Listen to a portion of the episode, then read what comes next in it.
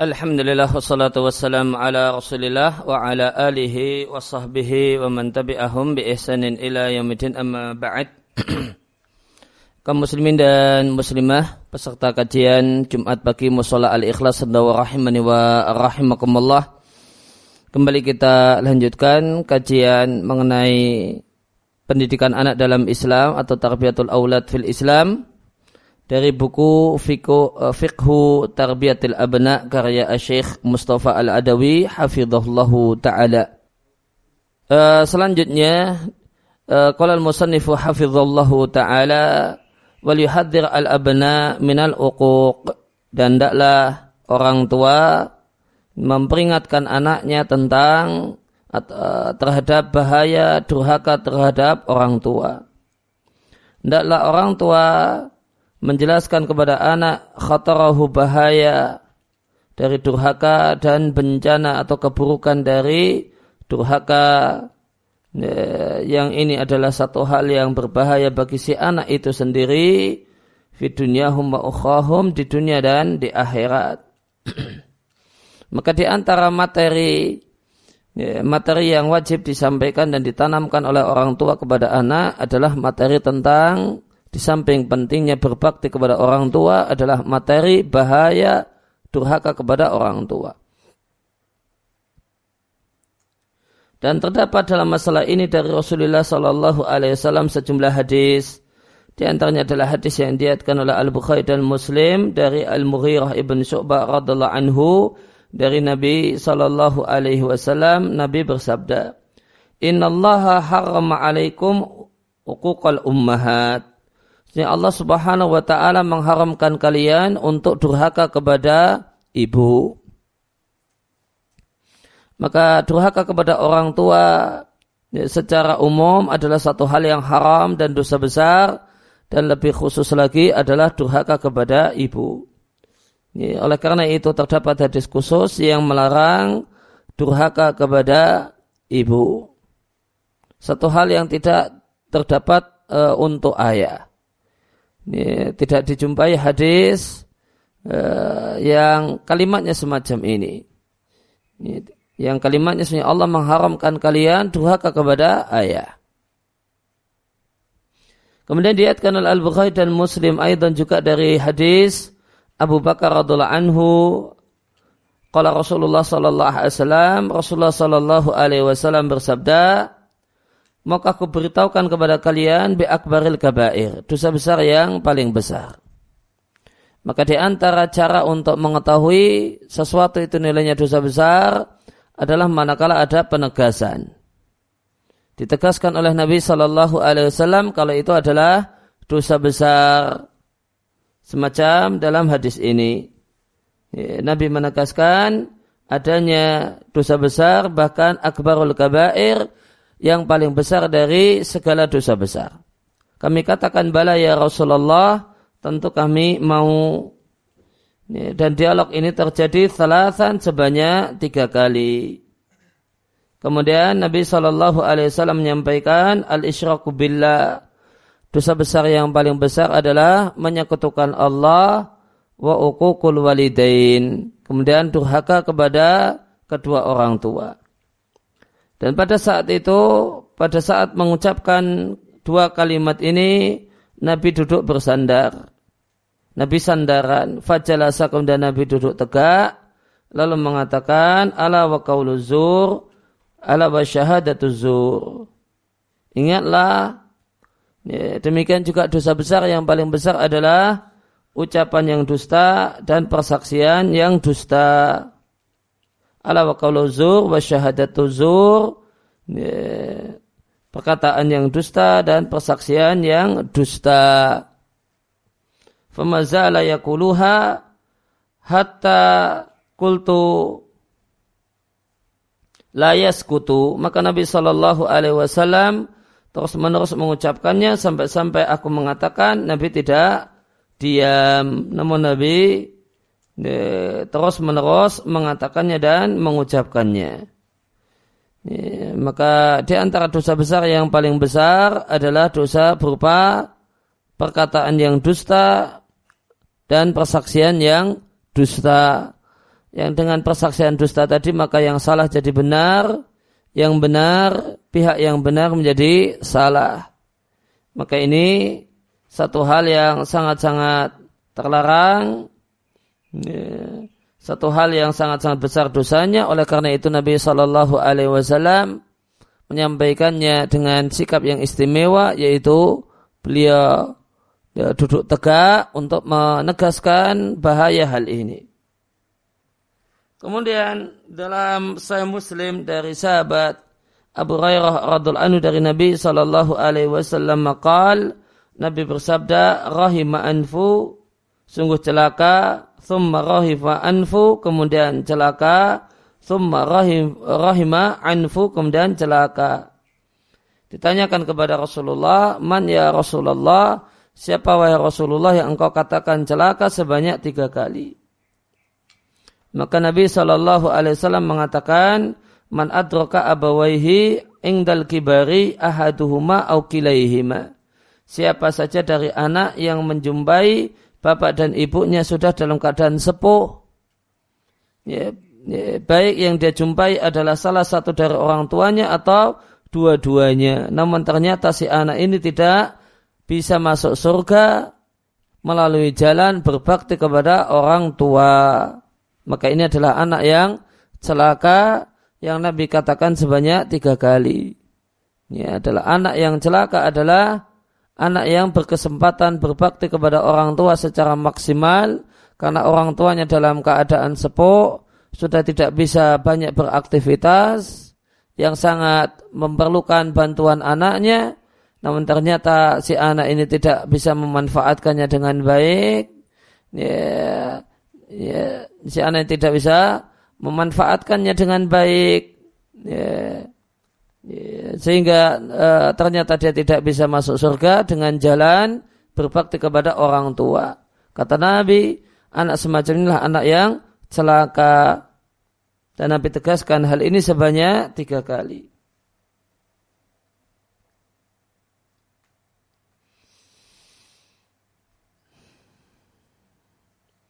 Kemudian uh, kembali kepada nasihat uh, Luqman kepada anaknya. Maka di antara nasihat Luqman kepada anaknya adalah al-amr bitibai tariqi ahli salahi. Adalah perintah untuk mengikuti jalan orang-orang yang saleh. Maka di tengah-tengah wasiat ini wasiat Luqman kepada anaknya terdapat wasiat perintah untuk mengikuti jalan orang-orang yang beriman dan jalan orang-orang yang saleh. Dan perintah untuk musadaqah, bersahabat dan berkawan dengan orang-orang yang saleh. Maka faryursyidul abna ila hada. Maka hendaknya para orang tua mengajarkan hal ini kepada anaknya. Menyampaikan dan menamkan hal ini kepada anaknya sebagaimana firman Allah Subhanahu wa tabi' sabila man anaba ilayya maka ikutilah jalan orang-orang yang kembali kepadaku. Siapa itu orang-orang yang kembali kepada Allah Subhanahu wa taala? Ya tentu dia adalah orang yang saleh. Aiman raja'a ila tariqi wahtada bi hudaya.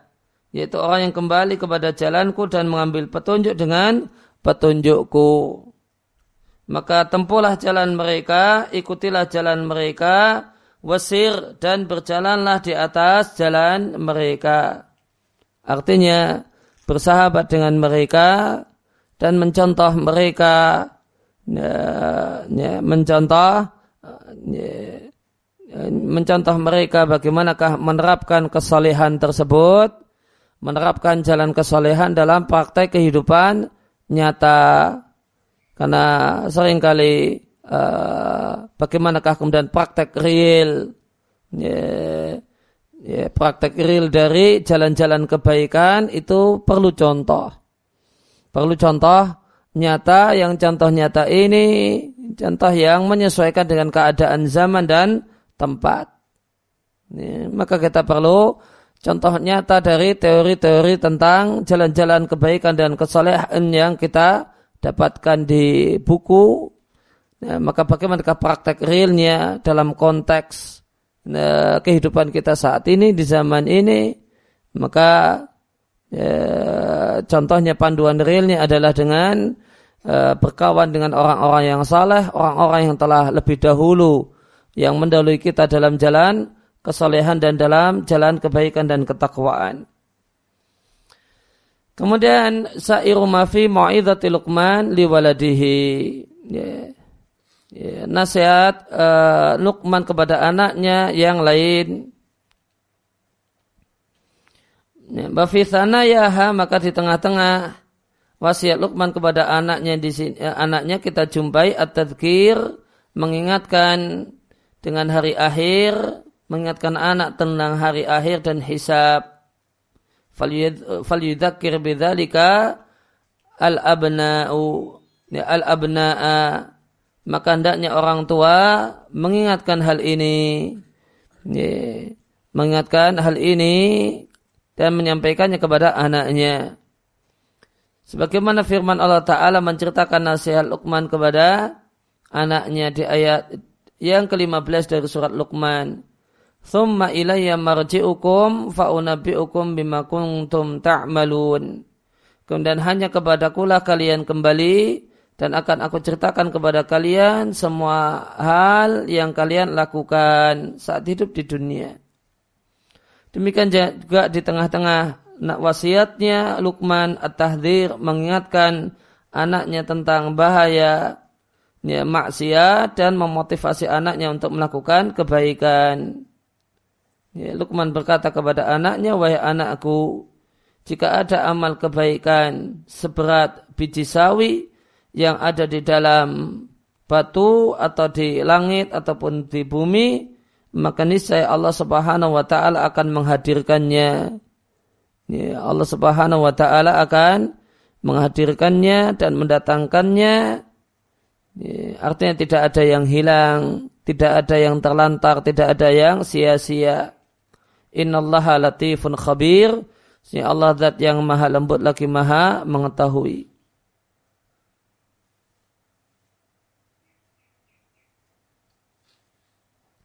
Atau inna hadis ini ya, sebagaimana tafsir dari jumhur penjelasan jumhur ahli tafsir artinya adalah uh, maksiat.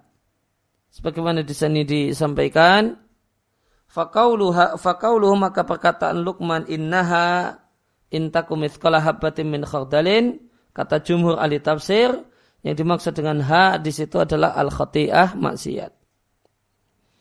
Sehingga makna nasihat Luqman ini adalah maksiat seberapa kecil ukurannya dan seberapa dan meskipun sangat tersembunyi atau sangat hebat fa'iluha pelakunya dalam menyembunyikannya maka Allah Subhanahu wa taala akan mendatangkannya pada hari kiamat.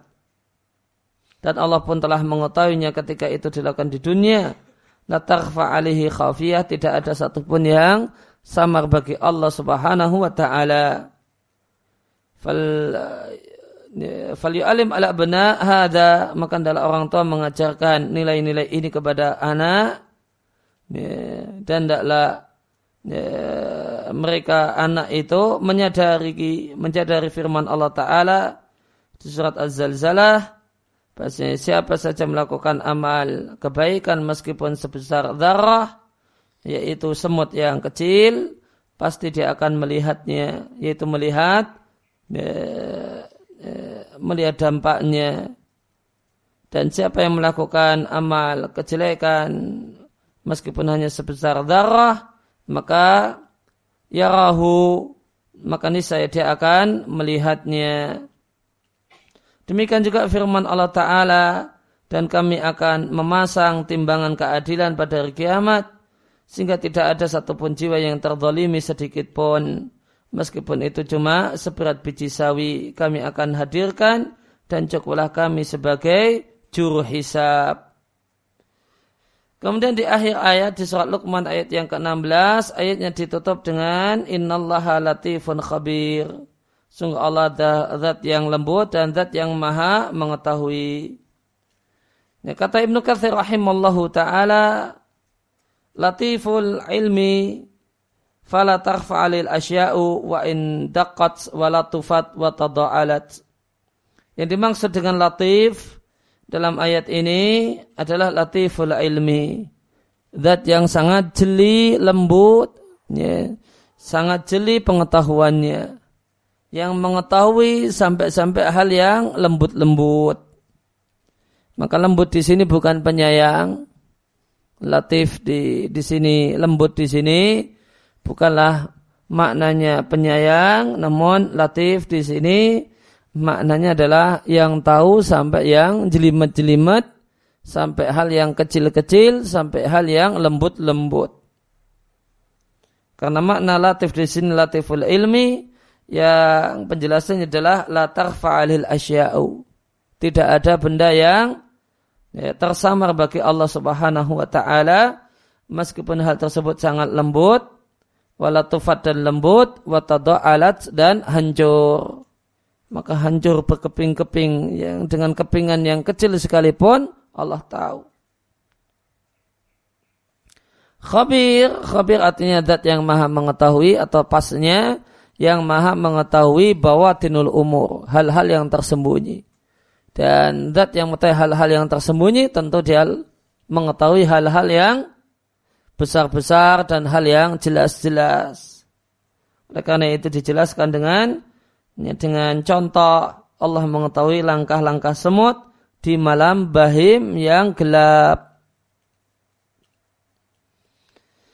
Kemudian Luqman juga berpesan kepada anaknya dengan mengatakan wahai anakku akimi salata wa'mur bil ma'rufi wanhal wanha anil munkar wahai anakku tegakkan salat ya, lakukanlah amar ma'ruf nahi mungkar dan bersabarlah atas apa yang menimpamu inna dzalika min azmil umur. Sesungguhnya itu termasuk ya, perkara yang membutuhkan ketekatan yang kuat. Adapun wasiat kepada anak untuk sholat dan mengajarkan sholat kepada anak, maka telah dijelaskan di lembar-lembar yang lewat. Kemudian wasiat Luqman adalah perintah dan wasiat kepada anaknya untuk melakukan amar ma'ruf nahi mungkar. Hatha alal amri bil ma'ruf maka Luqman memotivasi anaknya untuk melakukan amar ma'ruf nahi mungkar biasa bil juhdi sesuai dengan kesungguhan, watakoh dan kemampuan.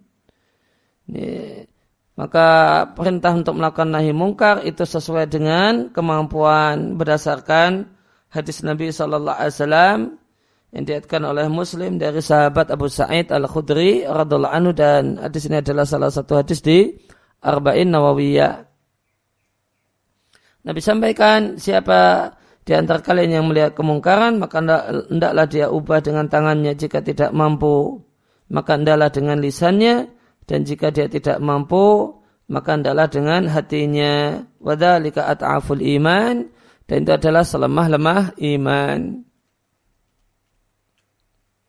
Dan hal yang menarik berkenaan dengan hadis ini, ya, ya, hadis ini uh, kalau teks uh, teks hadisnya adalah ubah dengan tangan jika tidak mampu turun uh, di bawahnya jika tidak mampu maka turun di bawahnya. Ya, maka urutannya dari atas kemudian ke bawah.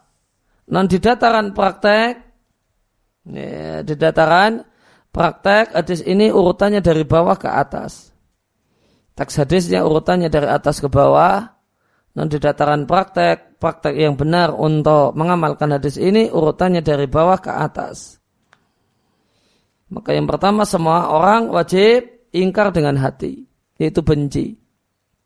Yaitu benci. Benci ya, maka ini satu kewajiban setiap setiap orang setiap muslim. Nah nanti kalau jika pintar ngomong maka jangan hanya berhenti di benci namun dekati orang tersebut ya, ya jak makan malam ya, jak makan siang ya, jak ngobrol nasihati ya, dengan bahasa yang enak ya, ya, maka ya, diajak makan dulu, makannya sampai kenyang dulu.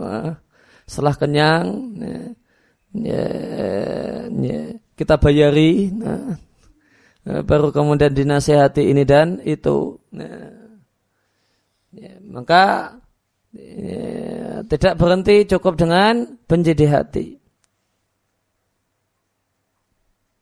Nah, jika ya, jika punya kemampuan lebih dari itu, ya, jika dinasihati beberapa kali nggak mempan, dan ternyata punya kemampuan untuk mengubah dengan tangan, nah baru dinaikkan, baru uh, dinaikkan, maka diubah dengan tangan. Maka di praktek, ini, urutan dari urutan hadis ini adalah dari bawah ke atas. Ini, dari bawah ke atas. Redaksi hadisnya urutannya dari atas ke bawah. Ini. Urutannya dari atas ke bawah. Ini ada kemungkaran, maka langsung ditindak, ditindak tegas pakai tangan.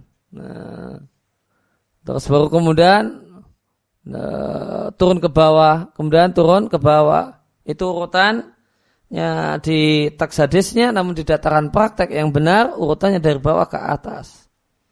Dari yang wajib atas setiap orang yaitu benci. Dan itulah mengingkari dengan hati. Dan jika ada kemampuan lebih maka naik, jika ada kemampuan lebih maka naik.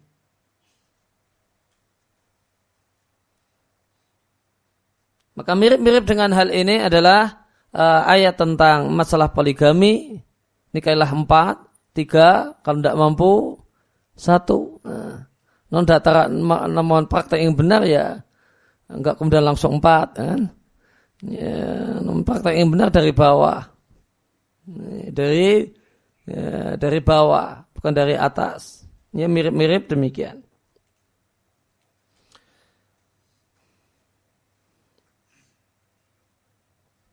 Faliu alim al aulad maka hendaklah orang tua ngajarkan kepada anaknya fikih amar ma'ruf nahi mungkar.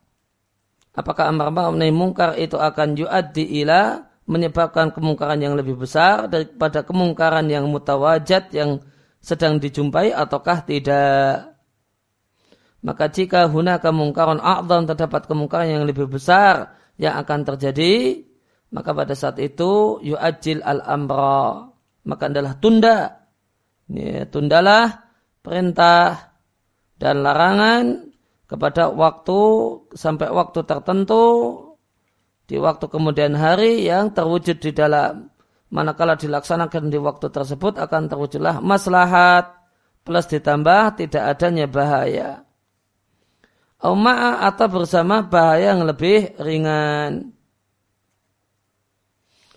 Falihada fiqhun dan hal ini memiliki fikih, memiliki pengetahuan, memiliki kaedah-kaedah yang sepatutnya diajarkan dan dipahamkan. Fallallah yuhibbul fasad karena Allah tidak menyukai kerusakan dan di antara kerusakan adalah menghilangkan kejelekan, ya, menghilangkan kejelekan dengan menghasilkan kejelekan yang lebih besar. Itu di antara bentuk al-fasad.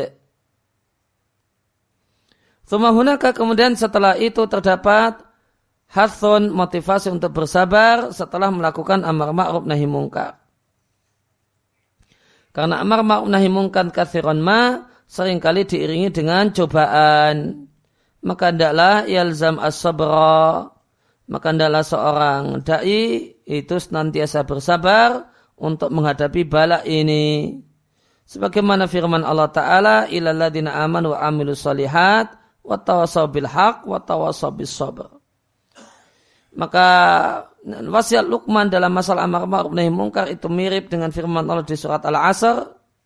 Ya, karena Allah katakan wa tawasaw bil mereka adalah orang-orang yang saling mewasiatkan kebaikan. Apa itu kebaikan? Dua hal yang telah disebutkan sebelumnya itu iman dan amal saleh.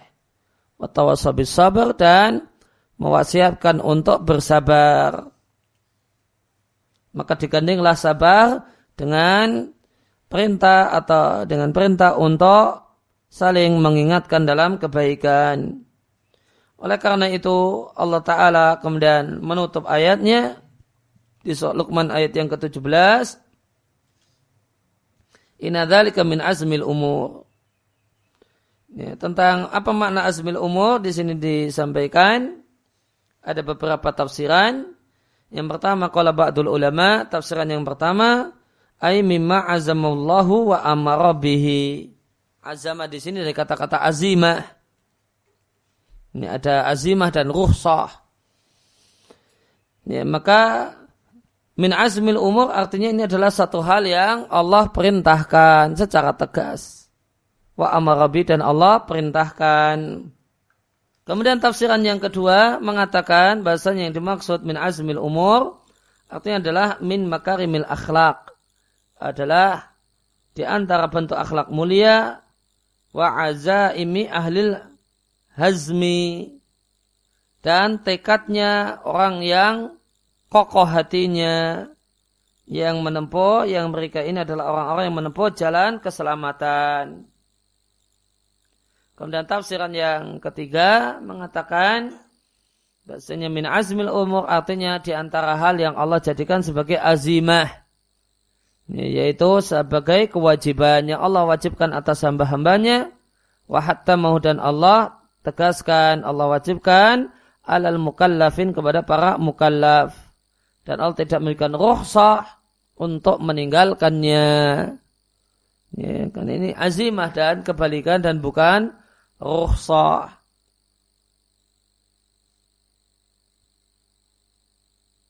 Ya, maka tafsiran pertama mirip dengan tafsiran yang ketiga.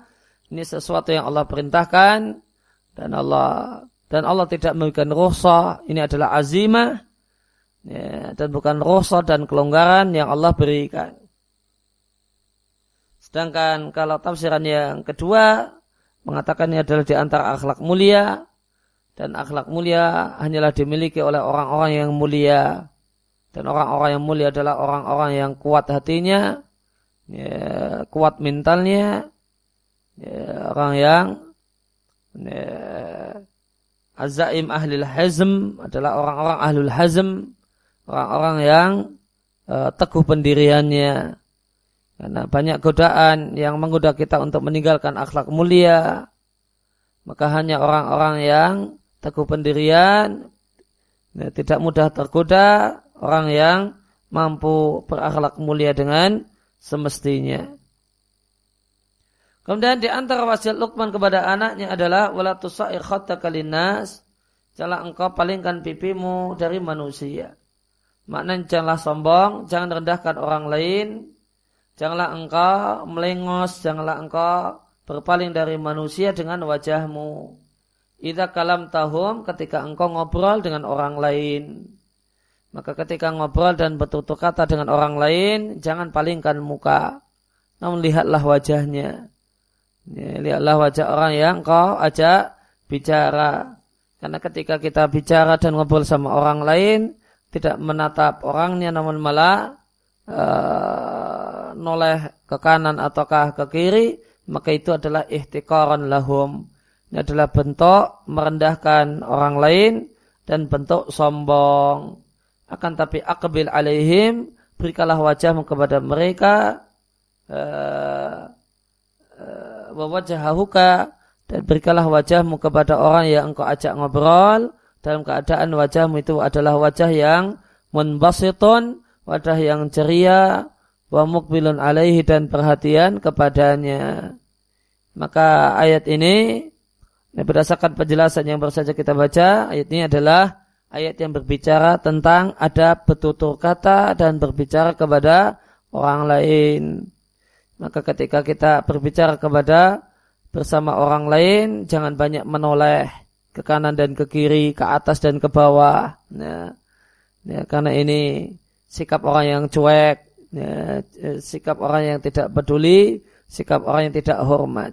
Ya, apalagi uh, atau tidak uh, atau kemudian membuang muka tentu lebih jelek lagi ini, tentu lebih jelek lagi ini, ketika kita ngobrol dengan tuan rumah misalnya satu hal yang nggak baik kita malah lihat kanan dan kiri lihat relief relief lihat uh, apa ada pemandangan sebelah kanan dan sebelah kiri ya. Tentu satu hal yang kurang sopan dan, dan lebih tidak sopan lagi orang yang betul-betul membuang muka ketika dia berbicara dengan orang lain. Oleh karena itu maka pesan yang terkandung dalam ayat ini maka wahai para ayah dan bunda alim auladaka ajarkanlah anakmu ketawaduan. Ini. Ajari anakmu ketawaduan. Ini. Contohkanlah sikap-sikap tawadu kepada orang lain, kepada orang miskin, kepada dan tanamkan hal tersebut kepada anak. Tanamkan dan biasakan. Wal basyasha. Ajarkan anak untuk berwajah ceria ketika ketemu orang lain. Ini, ajari anak untuk rajin tersenyum. Ini, ajarkan kepada anak untuk tidak cemberut. Ini. Wal basyasha dan berwajah ceria fi, wujuna, fi wujuhin nasi ketika ini, berhadapan dan bertemu dengan banyak orang. Iqbal ala nas. Ya, perhatikanlah uh, orang lain ketika ngobrol. Ya, ya, oleh karena itu ketika ngobrol maka tinggalkan HP. Ya. Ya, jangan ngobrol sambil buka HP. Ya, namun tinggalkan HP.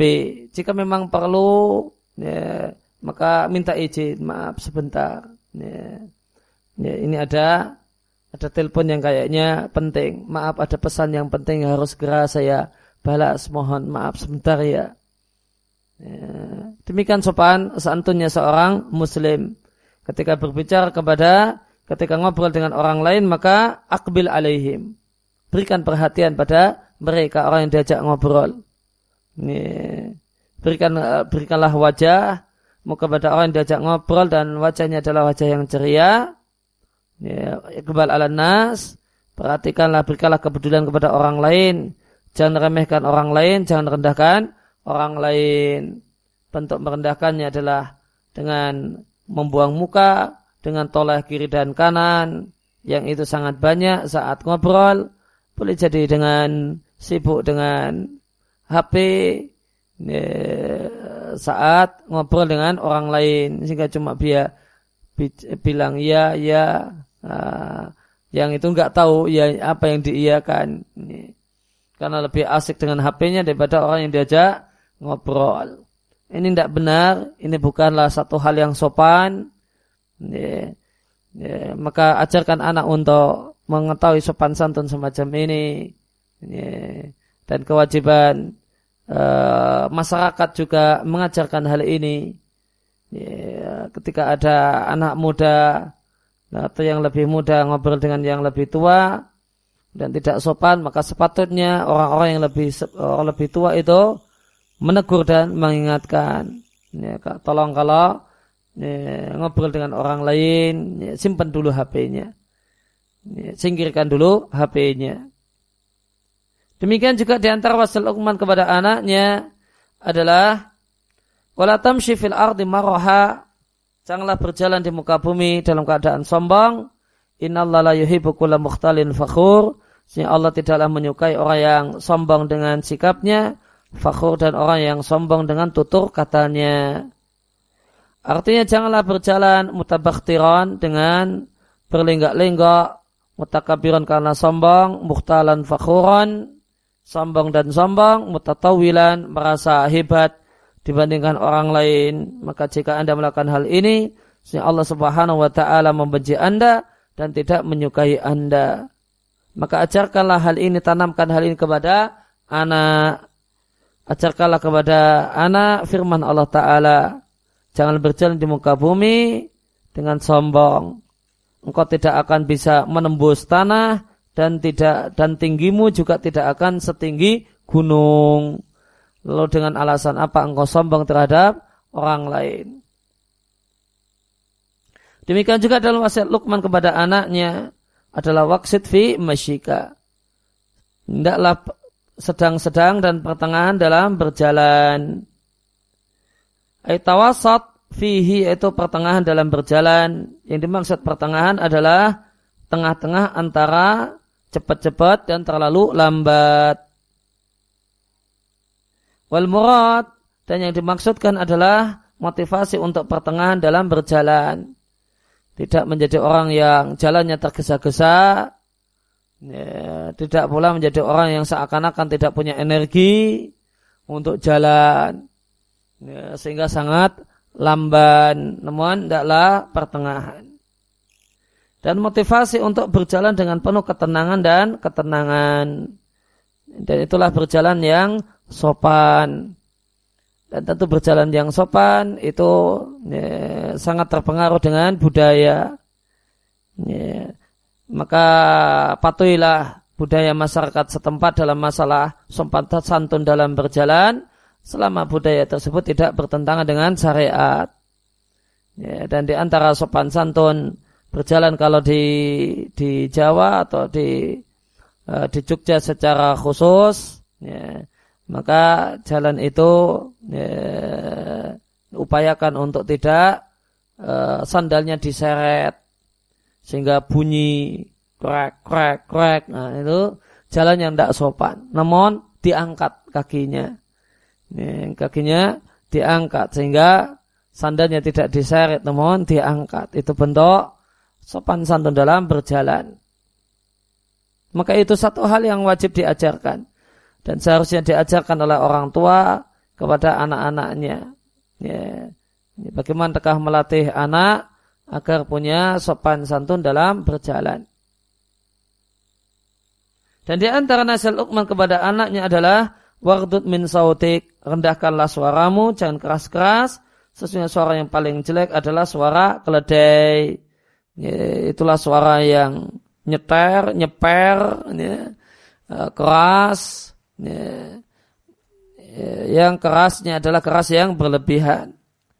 Artinya rendahkanlah suaramu, kurangilah volume suara, jangan kemudian memaksa-maksakan diri mengeraskan suara.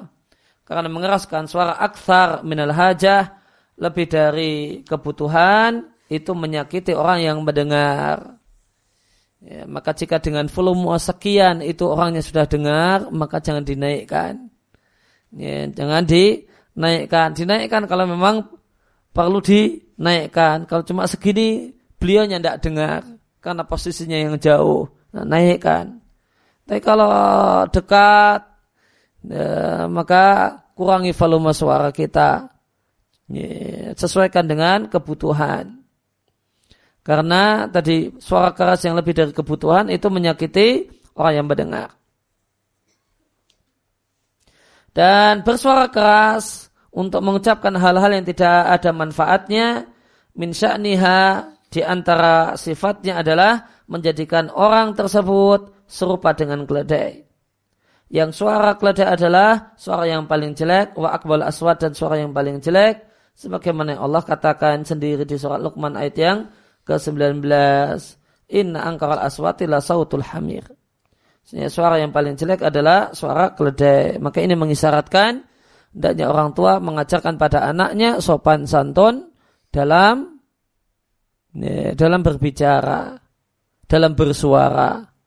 Maka ajarkan sopan santun ketika berkomunikasi dengan orang lain. Ajarkan sopan santun ketika berjalan. Ajarkan sopan santun. Ya, ajarkan adab ketika bersuara. Nah, maka ini yang maka ini hal-hal yang di, di diwasiatkan oleh Luqman kepada anaknya yang selayaknya dicontoh oleh para orang tua yang cinta dan sayang kepada anaknya dan menginginkan agar anaknya adalah anak yang memiliki akhlak mulia. Kemudian poin selanjutnya di antara materi yang patut diberikan oleh orang tua kepada anak atau yang wajib diberikan oleh orang tua kepada anak adalah mengajari anak Al-Quran dan mengajari anak hadis-hadis Rasulullah Sallallahu Alaihi Wasallam. Maka ini adalah ilmu yang paling mulia secara umum, secara mutlak. Dan ini adalah min a'zamil kurbat. Dan adalah termasuk amal soleh yang paling mulia yang dengannya seorang hamba mendekatkan diri kepada Rabbnya subhanahu wa ta'ala yaitu mengkaji Al-Quran dan mengkaji hadis-hadis Nabi Sallallahu Alaihi Wasallam. Dan mengkaji Al-Quranul Karim dan Sunnah Nabawiyah memiliki ajuran azim, ganjaran yang besar, dan di dalamnya terdapat keutamaan yang mulia. Dan Rabbuna Subhanahu wa taala mendorong kita untuk melakukannya dan dan Nabi kita pun Nabi kita Muhammad sallallahu alaihi wasallam pun memotivasi umatnya untuk melakukannya. Allah Azza wa Jalla berfirman di surat Ali Imran ayat yang ke-79 Wa kunu rabbaniyin jadilah kalian rabbani para pendidik yang baik. Ya, disebabkan kalian mengajarkan Alkitab dan kalian mempelajarinya. Dan Allah Ta'ala berfirman, Yu'til hikmata mayasya, Allah memberikan hikmah yaitu ilmu yang membuahkan amal kepada siapa saja yang Allah kehendaki. Dan siapa yang diberi hikmah maka sungguh telah diberikan padanya kebaikan yang banyak. Dan Allah Ta'ala berfirman waratil Qur'an tartila. Dan bacalah Al-Quran dengan pelan-pelan dengan menunaikan hak-hak hurufnya Dan Allah Azza wa Jalla juga berfirman, Wakul memerintahkan nabinya Muhammad sallallahu alaihi wasallam berdoalah wahai Muhammad sallallahu alaihi wasallam wahai Rabbku tambahkanlah ilmu untukku. Dan Allah Azza wa Jalla juga berfirman, Qad ja'akum minallahi nurun wa kitabun mubin. Sungguh telah datang kepada kalian dari Allah cahaya dan kitab yang menerangi. Dengan kitab tersebut Allah memberikan petunjuk pada siapa saja yang ittaba'a ridwanahu mencari ridhonya. Allah akan berikan petunjuk kepada mereka subulus salam, jalan-jalan keselamatan. Allah akan keluarkan mereka uh, dari kegelapan menuju cahaya dengan izinnya. Dan Allah akan memberikan petunjuk pada mereka kepada jalan yang lurus. Ini menunjukkan keutamaan Al-Quran. Fahris maka antusiaslah untuk wahai anda para ayah dan bunda, wahai ayah dan ibu untuk mengajarkan kepada Al-Quran kepada anak-anak anda. Sebagaimana firman Allah Azza wa Jalla, e, Innaladina yatluna kitab Allah, orang-orang yang membaca kitab Allah, kemudian menegakkan salat dan menginfakkan sebagian apa yang telah kami berikan kepada mereka, baik mereka infaknya itu sembunyi-sembunyi ataupun terang-terangan, ya, menunjukkan ayat ini menunjukkan bolehnya dua cara infak ini yaitu sembunyi-sembunyi ataupun terang-terangan. Yarjuna tijaratan lan tabur mereka inilah orang-orang yang berhak untuk berharap. Berharap perdagangan yang tidak akan merugi. Maka tidak ada harapan tanpa usaha. Maka orang yang telah melakukan usaha membaca kitab Allah menegakkan salat dan berinfak mereka ini orang yang berharap untuk mendapatkan perniagaan yang tidak akan merugi. Falaka fidzalika ajrun. Maka jika ngajarkan anak mengajarkan Al-Quran kepada anak maka ingatlah wahai para ayah dan bunda bahasanya terdapat di dalamnya ganjaran yang besar. Karena setiap kali anak itu membaca Al-Quran maka orang tuanya mendapatkan pahalanya karena siapa yang menunjukkan kepada kebaikan maka dia sebagaimana pelakunya. Dan Nabi Shallallahu Alaihi Wasallam pun berwasiat, berwasiat, berwasiat kepada kita supaya berpegang teguh dengan kitabullah dan hadis-hadis yang berkenaan tentang keutamaan membaca, menghafal Al-Quran dan mempelajarinya satu hal yang sangat banyak sekali dan satu hal yang telah diketahui. Di antaranya adalah sabda Nabi Shallallahu Alaihi Wasallam, khairukum man al Qur'ana wa 'allamahu. Sebaik-baik kalian adalah orang yang mempelajari Al-Quran dan mengajarkannya. Diatkan oleh Bukhari dari Uthman. Wa dan dalam riwayat yang lain, inna afdalakum man al Qur'ana wa 'allamahu. Sesungguhnya Orang yang paling afdal, orang yang paling mulia di antara kalian adalah orang yang mempelajari Al-Quran dan mengajarkannya. Diatkan oleh Bukhari. Dan tentu yang dimaksud dengan mempelajarinya, di sini mencakup mempelajari cara membacanya, demikian juga mencakup ya, mempelajari isi kandungannya. Dan Nabi sampaikan permisalan seorang mukmin yang membaca Al-Quran dan mengamalkannya seperti atruja atau utruja sejenis jeruk yang rasanya enak dan baunya wangi sebagaimana sabda Nabi Shallallahu alaihi wasallam. Demikian juga Nabi Shallallahu alaihi wasallam mengatakan orang yang mahir dengan uh, membaca Al-Qur'an dan orang yang yaitu di antaranya adalah orang yang mutkin hafalan Al-Qur'annya maka ma'as safarah kiramil bararah maka mereka akan bersama safarah para malaikat. Yang malaikatnya adalah al-kiram orang uh, adalah adalah makhluk yang mulia fisiknya yaitu ganteng dan cakap fisiknya al-bararah dan baik sikap dan perbuatannya. Dan orang yang membaca Al-Quran dan dia terbata-bata dalam membaca Al-Quran. Dan orang yang terbata-bata dalam membaca Al-Quran wa wa maka Quran itu sulit baginya untuknya dua ganjaran yaitu ganjaran baca Al-Quran dan, dan ganjaran kesulitan dan terbata-bata untuk membaca Al-Quran. Dan redaksi uh, redaksi Bukhari untuk hadis ini permisalan orang yang membaca Al-Quran dan dia hafil. Dan dia adalah orang yang menjaga Al-Quran dan hafal Al-Quran dengan hafalan yang bagus, yang mungkin, ya, maka dia, mereka akan bersama dengan para malaikat al-kiram al-bararah. Sedangkan orang yang baca Al-Quran, dan dia selalu memperhatikan Al-Qurannya. Hafalannya nggak mungkin, namun dia terus menerus untuk ngecek ya, kualitas hafalannya. Wawa syadidun, maka Al-Quran itu sangat berat baginya untuk dimuroja'ah ya, karena hafalannya yang uh, hafalannya yang tidak lancar maka itu berat. Falahu ajrani maka untuknya dua ganjaran. Kemudian wa manazili hamalatil Quran dan kedudukan hamalatul Quran para penghafal Al-Quran. Para penghafal Al-Quran itu di hadis disebut dengan sebutan hamilul Quran atau hamalatul Quran yang makna asalnya adalah pemikul Al-Quran. Ya, kenapa hafidul Quran disebut hamilul Quran? Karena ya, untuk mengisyaratkan tidak gampangnya menjaga hafalan Al-Quran.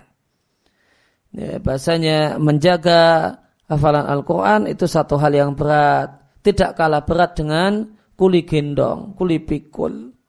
Ya, maka dia memikul. Ya, memikul sesuatu yang berat. Hamilul Quran, memikul Al-Quran.